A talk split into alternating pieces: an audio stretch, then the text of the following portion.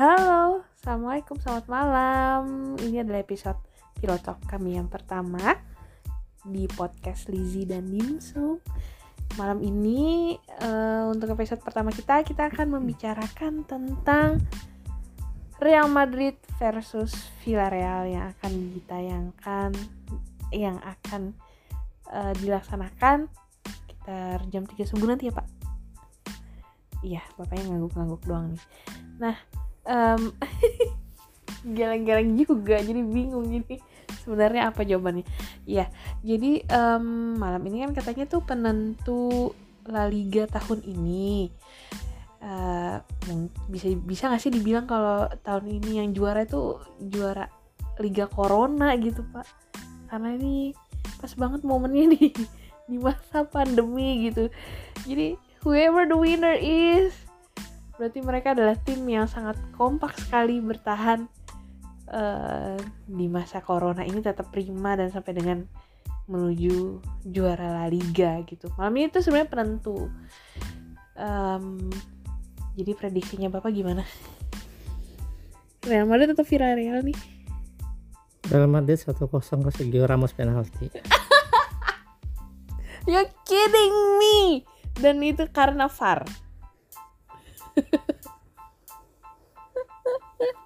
no sebaiknya nggak kayak gitu deh. Karena pasti nanti Real Madrid bakal dibully lagi. Disalah-salahin lagi terus Pak Jidan pusing lagi dong ngamuk-ngamuk lagi. Sebenarnya ada komentar bagus dari Diego Simeone mengomentari soal banyaknya penalti dari Madrid ya. Jadi ya sebenarnya ada betulnya kenapa Madrid mendapatkan penalti banyak di La Liga. Oh, kenapa tuh Pak? Faktanya memang Madrid ya kenyataannya lebih banyak possession dan menyerang. Jadi wajar oh. kalau sering kotak penalti ya pastinya dapat penalti. I see. Nah, itu itu masuk akal sih. Jadi bukan karena pakai perasaan gitu loh, yang kayak yang ah itu Madrid dapat penalti melulu sih gitu. Wasit kayaknya memihak banget gitu sama Madrid gitu.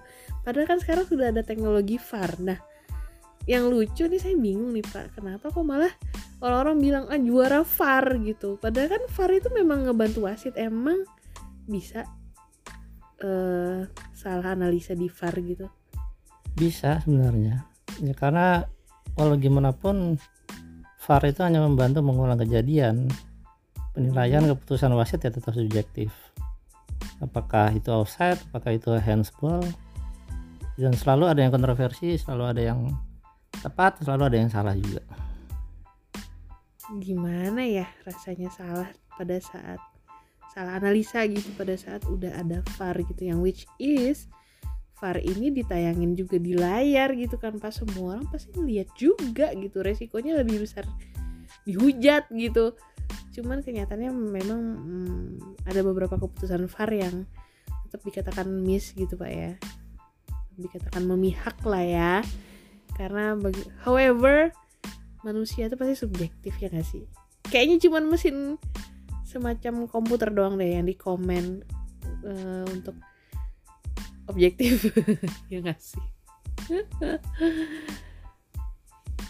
Terus terus gimana gimana pak? Kalau Barcelona sendiri gimana kalau misalnya nih Madrid malam ini nggak menang itu kayak gimana tuh? Hampir pasti sebenarnya Madrid yang juara semenjak break dari covid ini ya. Karena kita tahu uh, di semua liga nggak cuma La Liga satu pekan itu satu klub bisa bertanding 2 sampai tiga kali. Ya pastinya di situ membutuhkan skuad yang banyak.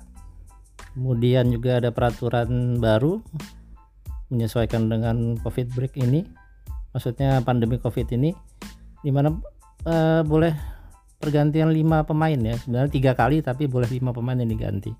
Wow. ya otomatis sudah pasti ya tim besar yang memiliki pemain rotasi backup sekelas Madrid ya. Walaupun kita bandingkan dengan Barcelona kita ambil contoh.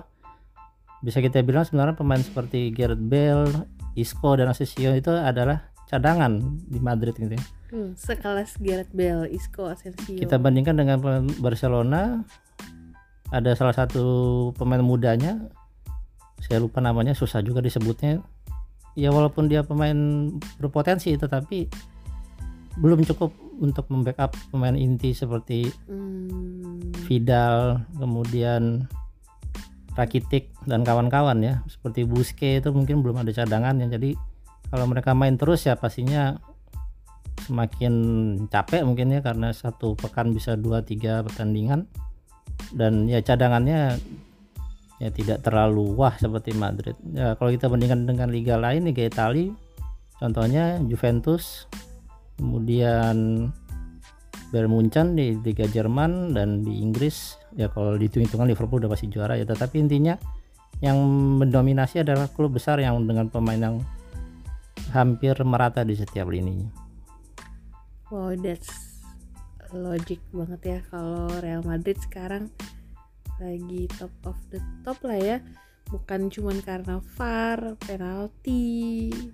satu gitu. lagi ada sisi menarik kenapa Barcelona kurang maksimal selain penampilan Griezmann yang selalu dikritik walaupun hanya berlebihan ya karena Griezmann itu walau gimana pun juga manusia di musim pertama di Barcelona masih butuh penyesuaian ada isu yang menarik soal transfer di Apa itu, Barcelona yaitu pertukaran pemain antara Miralem Pjanic dari Juve ke Barca dan Arthur Melo dari Barca ke Juve.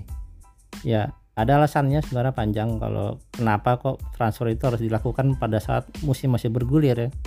Cuman ya intinya ya pada kenyataannya pelatihnya sendiri eh, menyampaikan bahwa karena transfer itulah sepertinya Arthur Melo ini agak kurang konsen dan ya pastinya berdampak kepada tim secara keseluruhan ya. Hmm, berdampak performance hmm, secara keseluruhan. Ya sayangnya transfer ini tidak bisa ditahan setelah musim berakhir.